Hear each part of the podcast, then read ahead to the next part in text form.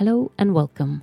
My name is Liva Bonnevie, and this is episode 158 from Clan of Horses, a podcast about horses and horse people.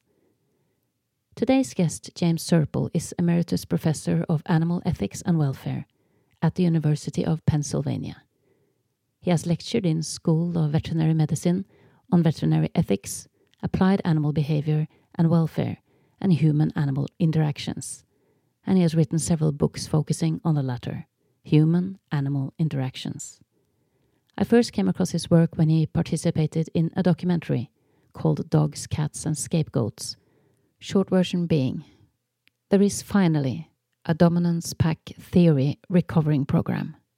It is called Science. Please embrace it.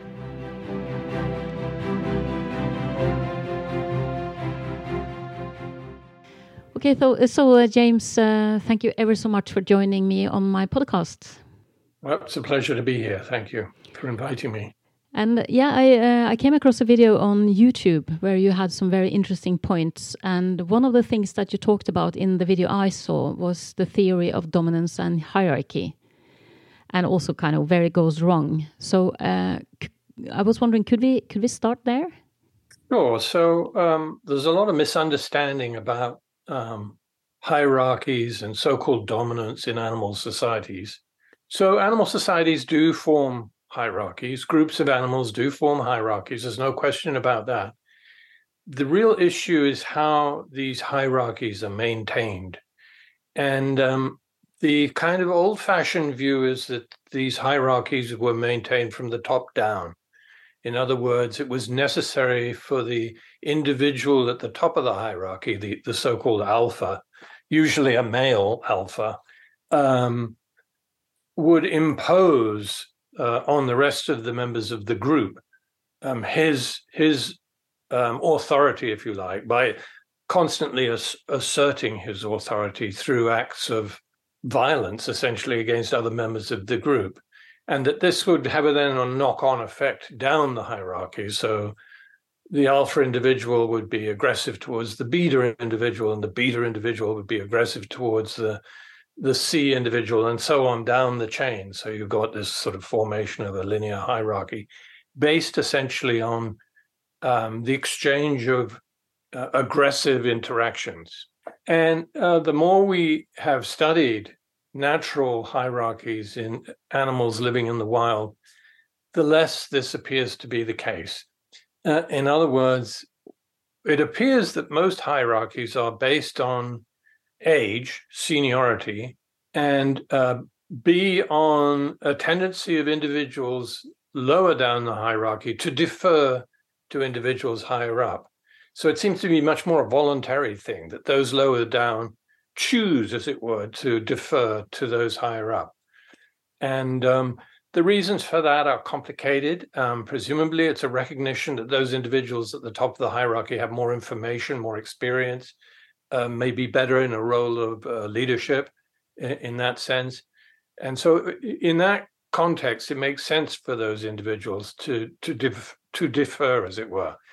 I think a lot of a lot of the misunderstanding as well comes from the fact that in, for example, in uh, wild canids like wolves, the group is usually an extended family. So it consists of parents and several generations of offspring.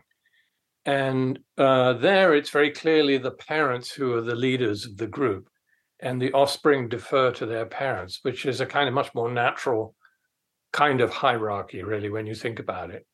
And it's very rarely necessary for the individuals at the the top of the tree, so to speak, to actually enforce their authority on those lower down.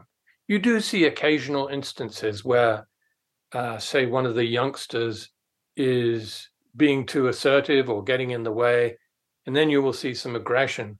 But most of the time, things are very peaceful. And what happens is that ju- the junior members of the hierarchy simply voluntarily, you know, don't assert themselves. And um, the unfortunate thing is that, uh, at least in the dog training world, which is the area I'm most familiar with, and this goes back to the 19th century, primarily in the training of military dogs, which is in itself kind of interesting, that this idea that the handler, the owner, had to assert themselves over the dog in order to prevent the dog sort of vying for leadership. In other words, trying to assert itself and become the dominant individual, uh, became very prevalent. And this, this led to this very sort of militaristic, hierarchical view of the human animal relationship, where the human had to stay on top. And the only way to stay on top was to be constantly ass- asserting authority, usually by means of punishment, by means of heavy handed training methods of some, some form or another. So, a lot of misunderstanding, a lot of the misunderstanding in the dog world, at least, stems from studying wolves in captive conditions and this is where you put a bunch of unrelated wolves together in, a, in an enclosure where they can't get away. And when you do that with wolves, they don't behave in a normal way. They don't behave the way they do in the wild because you're suddenly putting a bunch of adult wolves together who don't know each other. They're not kin, they're not family. And um, then you see a lot of aggression, or you may see a lot of aggression. And, uh, it, it looks as though the whole resultant hierarchy has has come about through this you know exchange of aggression between the group members i think it's uh, very similar with horses i think it's probably very prevalent in many social species and social, social certainly horses are very social mm. you know there are instances for example i mean the horse is a, a harem animal essentially so males maintain harems of females in the wild and um, groups of males will compete with each other. And uh, they have an interesting system in horses. They're a bit like elephants. Let's say, um, when they're ready to breed, the males go into a state of um, almost like what they call musth in elephants. So their testosterone levels surge. Uh, they develop physical features that make them look very muscular and heavy. The sort of neck becomes very swollen they show behavior which is very kind of aggressive and assertive towards other males. And interestingly, if two males have a fight, if they have a battle over a female or females, the loser very often shows this sort of uh, sudden drop in testosterone um, that goes right down, and that male will immediately go out of breeding condition, um, and so will no longer compete uh, with the you know the dominant male, so to speak, the male who's who's managed to triumph in that particular contest. But you know what goes around comes around. So the male that was beaten may then go away, isolate himself until he feels better and can come back into breeding condition, and he may then beat the one who previously beat him, and so on. So it's a very it's a complicated system, but most of the time horses are very amicable. They don't they don't they aren't constantly fighting with each other or constantly asserting dominance over each other. They don't do that. I think just find it very interesting with with horse training because for sure a lot of trainers really emphasize that dominance is needed for the human's part that that the human need to kind of put the horse into place and and uh, yeah, be rather violent think, often I think a lot of that stems from fear. Um, so horses are very big, obviously, um, very potentially dangerous to humans if they choose to be, which fortunately they don't very often. But I think this issue of being frightened of an animal often leads to this notion that uh, you need to, the, the phrase in English is break its spirit. And that's very common in horse training, or the, the old fashioned version of horse training was the notion that uh, if you had a, a, a wild or an untamed horse, you had to break it. In other words, you had to reduce it basically to a state of learned helplessness. And, and then it would be essentially safe to ride um, because you, you kind of knocked the stuffing out of it completely and it was unable to um, assert itself anymore or do anything on its own behalf because it would just be conditioned to expect punishment, whatever it did. And um, you see this again in uh, the training of military dogs. uh, where again you're dealing with animals that are potentially dangerous. To some extent, they've been bred for what they call sharpness, which is a euphemism meaning that they bite or they have the potential to bite. And uh, they tend to be larger breeds like German Shepherds and Malinois and things like that. And again, in the militaristic kind of tradition, it's it's this perception that you have to make sure from the get-go that you absolutely dominate that animal so there's no risk of it turning on you um, and and attacking you. So i think deep down fear is the biggest uh, motivator for a lot of this violence towards animals. Can we uh, talk about um, how we could choose to do it differently and what kind of effect that would have in, I mean, in your experience with animals? I mean, if I chose not to be hard and violent, what could grow out of that approach? Well, I think we have to start with the assumption that animals aren't looking for conflict. They don't want conflict any more than we do. Animals will become aggressive if they become frightened and they feel like they can't escape from whatever it is or whoever it is that's scaring them. And um, so the number one point is not to scare them, not to frighten them, not to push them into a situation where they feel cornered and they can't get away without resorting to defensive behavior, defensive aggression. And I think, you know, a lot of the the so-called horse whisperers and dog whisperers are really simply exploiting aspect n- normal aspects of the animal's behavior to promote social interaction and engagement without any kind of aggression, without any kind of uh, without triggering these fear responses, which you know the horse is a prey species potentially, so they're they're very easily frightened, and you really never want to push the horse to that point uh, where it's going to feel very scared, very frightened, and is going to retaliate. And because that then sets up the whole vicious cycle where you think, oh, that horse is just being spiteful, or that horse is just being, you know, deliberately and obstructive or difficult. That then leads to the human retaliating against this misperception of the horse's motivation. And uh, uh, the same is very much true in dog training or indeed training of any animal, in my experience. And there has been a lot of studies also about animals being spiteful. And what have they found when they are looking into this in a scientific way? Yeah, they, by and large, all the results suggest that um, animals don't have that capacity. In other words, they don't. They're not particularly resentful. They don't remember past grievances. They don't um, bear grudges, as we say and they're not spiteful. I mean, there are. It, it, gets more complicated when you get into some of the primates, for example. So there is some studies in primates which suggest that they do sometimes bear grudges against other individuals and will, you know, if the opportunity arises, they will retaliate.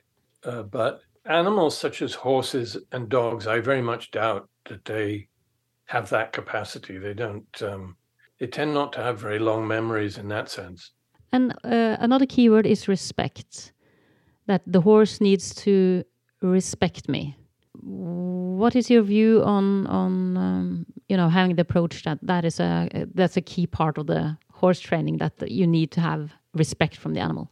Yeah, I mean, it, it, depends exactly what you mean by respect. If it means the horse has some internal sense of you being in a position of authority, I don't think that's true. If it means in your training you've laid down certain red lines, so to speak, that you you don't want the horse to cross. In other words, you don't want the horse to do something to you that's going to be painful or unpleasant or dangerous. Then yes, it's important that the animal respects those limits. Um, but again, you should train that through rewards, not through punishments. You don't need to use punishments. And generally, I can't see that it's ever necessary, except possibly in an emergency. But you know, even then, you know, if you're creative, you can find other ways of achieving the same goals. It's just people use punishment as a kind of shorthand, um, and it's not really effective, all it tends to do is to create distrust. So the animal will no longer fully trust you um, because it won't understand the reason why you've suddenly done something violent or behaved aggressively towards it. Nine times out of 10, it won't have a clue why you've done it. So that then makes you into a kind of uh, unpredictable individual who can suddenly do something very nasty. And that, that erodes trust um, between you and the, you and the animal. And, and, you know, the best relationships between people and animals, just as the best relationships between people, are based on mutual trust, mutual understanding. And if you lose that trust with an animal, you can still work with it, but it won't be as reliable. It won't be as safe. Um, there are many reasons why you want to maintain kind of mutual a mutual trust. What we tend to see in the in the horse world, I think, is that we have those charismatic media figures or or you know people with that showmanship, and they choose quick fixes over long term results and I would say science. Yeah. Why do you think we're still doing this when it's so evident that you know uh, punishment and force is the wrong path? Yeah, I mean it's. Uh, I don't think it's really any different from you know the question about why some people follow politicians who are manifestly, you know, bad for society or or something like that. It's because they're, you know, charismatic. And I don't know how else to put it. These people have a presence that resonates with some individuals, often many individuals, and um, they manage to convince us that their their method, their way of doing things, is the best way and and you know the other unfortunate aspect is is is that you know with dog with animal training dog training horse training punishment in a sense it works. In other words you can you can achieve the goal you want in the short term at least very quickly. Because animals aren't stupid. They learn to avoid things that they don't like or avoid situations that they don't like or situations that are painful. But like I say, it's not going to establish a good relationship between you and the animal long term. That animal will never trust you. That animal will always see you as a threat. And if it feels threatened enough, it may well retaliate. And uh, then it's potentially very dangerous. We're now talking about the also the learned helplessness aspect. Yeah. When the horse is so shut down that mm-hmm. that is not really operating normally. Uh, but people yeah. tend not to see it often, so they think it's all good. Yeah, I mean, it's uh, one could encourage people to realize is that when an animal is in that state, its physiological stress levels are through the roof, and that has a very negative long-term consequence for its health. So, uh, animals that are perpetually stressed are not going to do well in terms of their general health. And uh, they're likely to die young, they're likely to be more susceptible to disease across the board, pretty much. So that's something to bear in mind. If you if you're going to try and induce learned helplessness in your horse, the chances are you're also going to be inducing all kinds of health problems in the months in years ahead. I think some of the some of the biggest challenges with animal training is that the stress that you're talking about that is through the roof is often invisible on the outside if you don't know what to look for. Yeah. Well, I mean, they do give uh, subtle indicators of stress, but again, because they're a prey animal, they're probably selected to conceal as much as possible the fact that they're stressed or in distress, because that would be a trigger to a predator uh, that this individual might be a good individual to prey on. So, yeah, you have to be very familiar with the sort of body language and facial expressions of these animals to be able to detect when they're experiencing this kind of high level of stress and sort of chronic stress. Can we also talk about the value of having an animal who uh, is offering behaviors? Uh, because when a horse is shut down, one of the things that tends to you know be lost is uh, its curiosity, its playfulness, but also you kind of lose that quality. That everything, like you say, the human becomes something scary, and um, and they get shut down and they don't really offer the behaviors anymore. And a lot of people will say that then the animal is well behaved, but in real life, it's just not able to express itself in a normal way. Does that make sense? Absolutely. So, you know, a characteristic of learned help- helplessness is what we call apathy. In other words, the animal just shuts down, as you say, doesn't respond to its environment in in a normal way. But yes, from the perspective of the rider of the horse or the user of the horse, it's a well-behaved horse because it doesn't do anything except what it's told to do. And so, you know, some people would consider that very desirable to have a horse that's just completely compliant. It doesn't resist, doesn't take any interest in in what's going on around it because it's essentially shut down. But uh, think about that. People go into that kind of state. Slaves, for example, human slaves, people have described the same kind of thing, that kind of apathy, the loss of interest in everything, because basically any normal behavior is punished. So you just shut down. But this, you know, it seems to me this is not an appropriate relationship for anyone to have with an animal. And it's not necessary. Why why why do that to an animal? The only reason I can think would be again fear. That you're you're so afraid of the animal or what the animal might do to you that you want to keep it permanently in this this kind of state of apathy.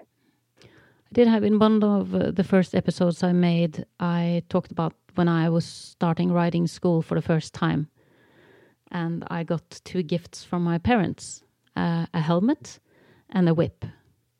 Mm-hmm. Which is when you come to think of it, very interesting because it all have to do. It has to do with safety.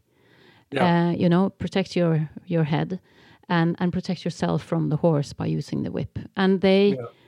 It was very natural for them. They they they knew nothing about horses. They just went to the store and said, you know, we want to buy something for a little ten year old girl, and and I didn't know any better, so I was delighted. I thought this is perfect and just what I need.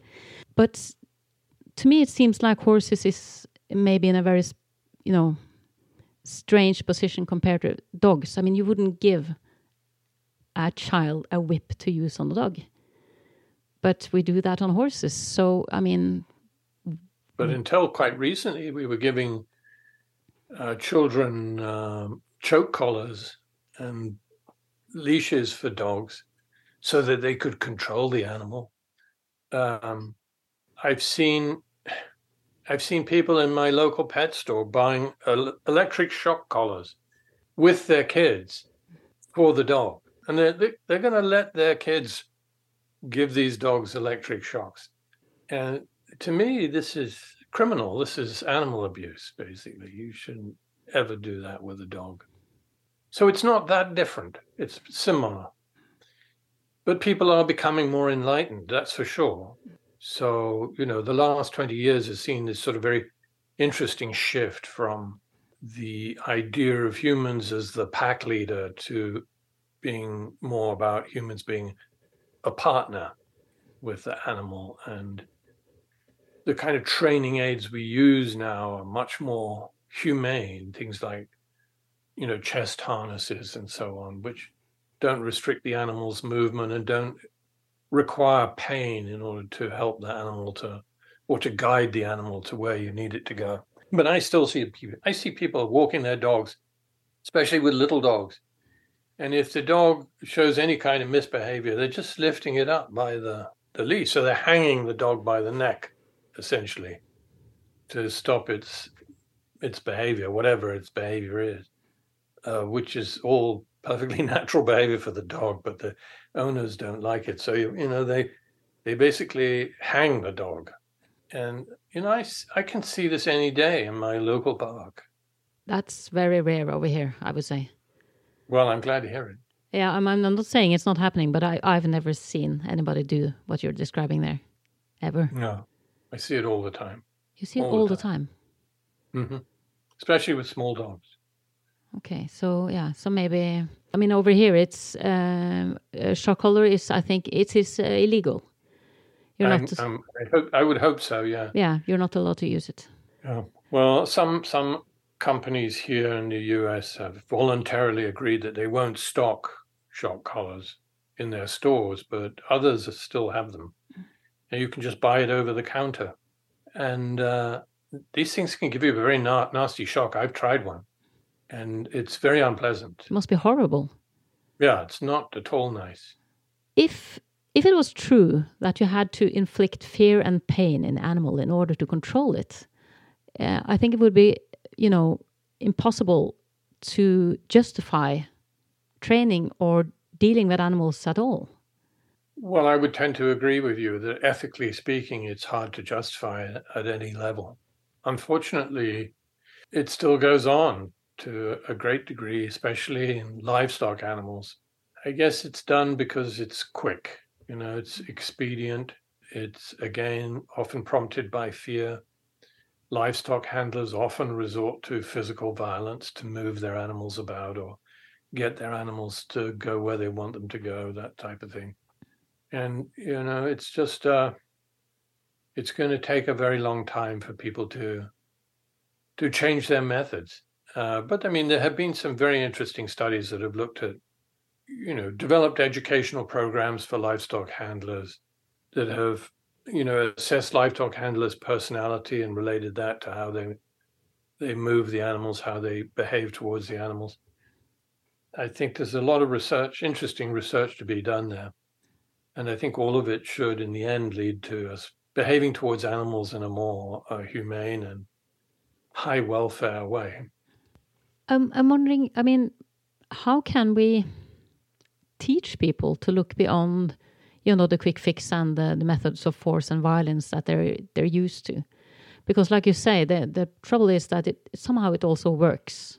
Yeah. So what we need to ask people is to let go of some, something they have tried before and it works, and and change over to something that kind of demands more of them. You need more knowledge and you need even a more precise timing probably.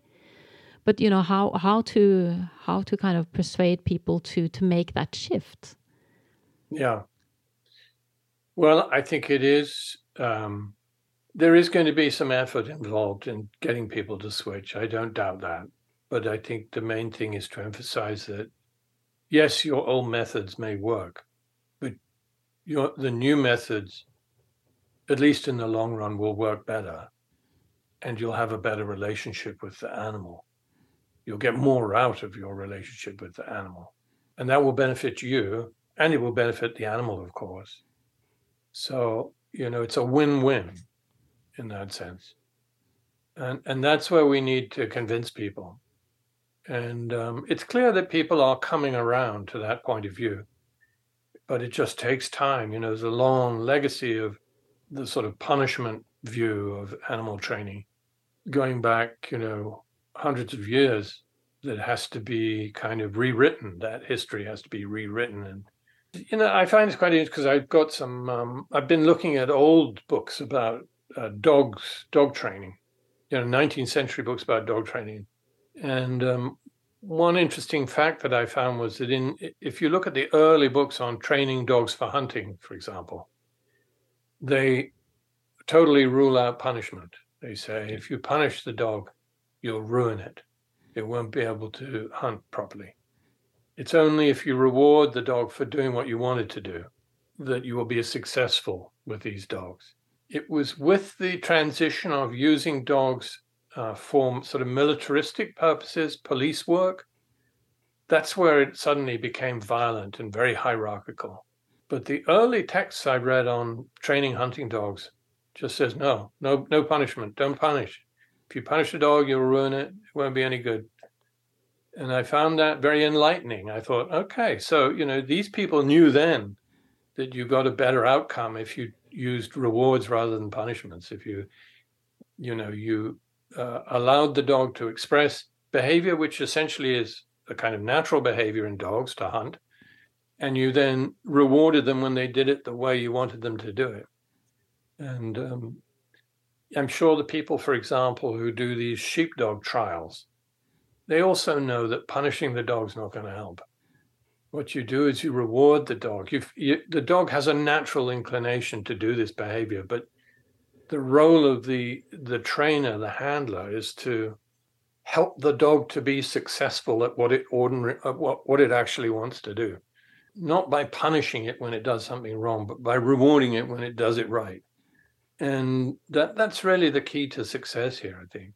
And I think, you know, most people, when given the choice between those two approaches, would prefer the second one, would prefer to be in the position of, yeah, okay, I know what I want to achieve with this animal. I know the animal has a natural inclination to to do this type of behavior, but it needs to be trained. So I'm going to reward it when it does what I want it to do, but I'm not going to punish it when it makes a mistake. It just doesn't make sense. And it's the same with like child rearing. You you don't want to punish children every time they make a mistake. When you talked about hunting dogs and dogs uh, used to you know gather sheep, it just occurred to me that when you need to kind of let the animal go to do its job, then punishment is a lot harder because yep. the animal is going to be very far away from you. Yeah. Uh, while a lot of the modern training and also the way we use, you know, horses today and and dogs, both in the military and when we compete, it's a very confined and controlled. You know, we're very close together. Mm-hmm. So maybe that is also part of it. That, yeah, that it's easier than to to just stick to violence because you can yeah. you can smack it any time because it's just there. But once you have to kind of let it go, then then you you can't really hit it anymore because it's going to be you know far away. So it's maybe it also has to do with what we train the animals for in these days. Yeah, yeah.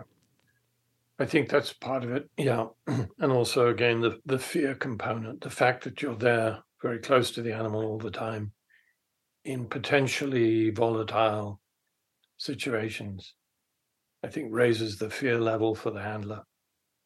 A lot of these military handlers are also very macho.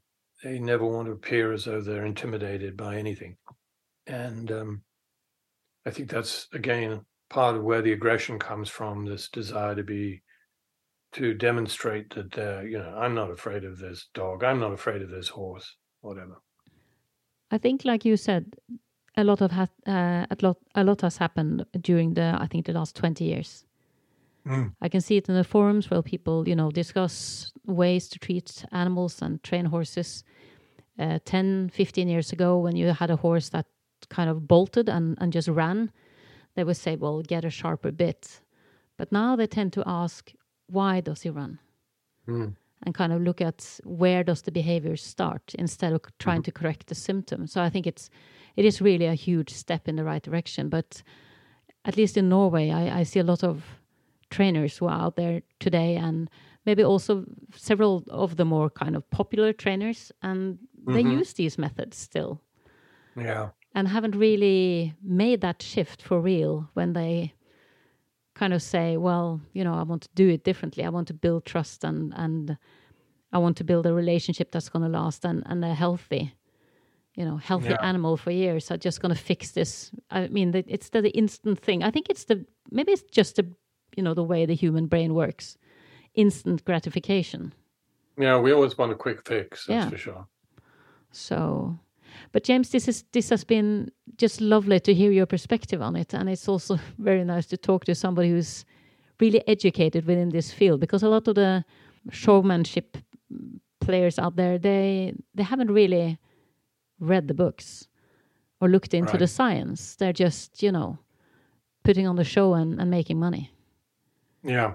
I have to say, I'm I'm kind of reaching a point where I I'm I getting really pissed off that it's still possible to make money training animals this way.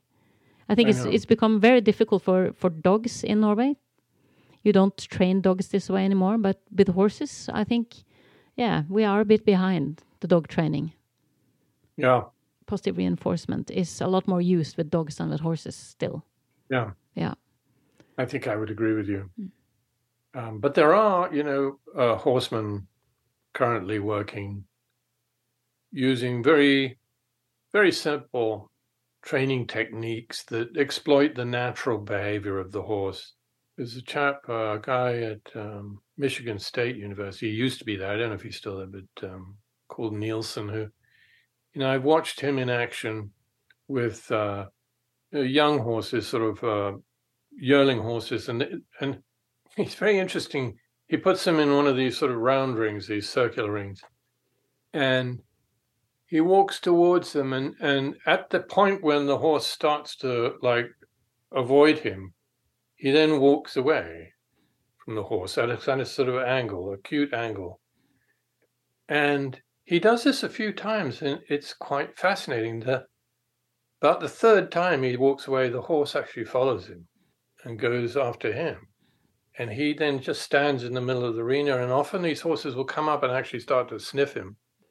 And then he, he'll turn around and the horse will go away, but then he'll go through these things over and over again. And eventually, you know, within half an hour, he's got that horse following him around the arena. He's petting the horse, he's putting a blanket over the horse's back. He's doing all this stuff, and the horse is like totally okay with it. And these are horses that have never been ridden by anybody. These are totally naive horses. And it's fascinating to watch it. And all he's doing is he, he like kind of, he understands horses and he understands what scares them and what kind of triggers their curiosity. And um, he exploits this natural behavior. And actually, within about 30 minutes, he's got a saddle on that horse. It's extraordinary. I think that's really the way forward. I agree. Do you have anything you would like to add, uh, James, before I ask you my signature question? No. No, you're good. yeah. So, um, James, I have a last question for you, my signature question.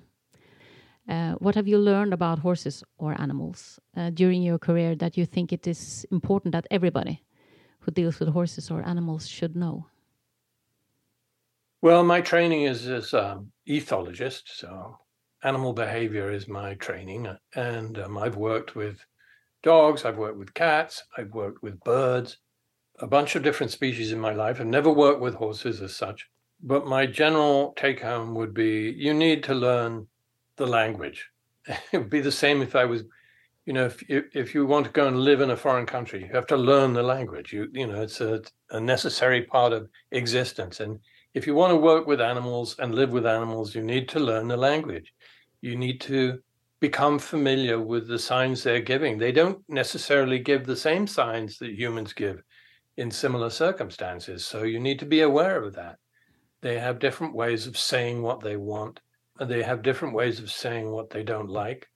Um, but you need to learn what that's all of what that what they're saying, and, and be aware of it and respond to it appropriately as you would with dealing with a foreigner. So it's a, I think that's pretty my take home message. There's plenty of literature out there that can help you on your way and be observant. You know, keep your eyes open, study the animal, see what it's doing, uh, learn to detect these sometimes very subtle cues and signals that the animal's giving uh, that indicate what's going on inside its head. Because unfortunately, animals don't have you know, a verbal language. They can't tell us how they feel or what they want, except by means of non non-verbal signals. So that's really the key, in my view. You know, you want to keep these animals, you want to work with these animals, you want to ride these animals, have fun with these animals, learn to speak their language. Thank you ever so much for your time, James. I really appreciated yep. this talk. You're welcome. Nice talking to you. You have just heard episode 158 from Clan of the Horses, a podcast about horses and horse people. And I sincerely hope that this episode will encourage you to look beyond the showmanship and examine the actual horsemanship presented to you by trainers you consider. It is unfortunately still way too easy to make money on old and rusty horseman shit, so please do your horse a favor and educate yourself. That was all for today. I want to thank my composer Fredrik Blom my designer of visual profile, Ove Hals, my guest, James Serpell, and last but not least, I want to thank you, dear listener, for your patience. May the horse be forever with you.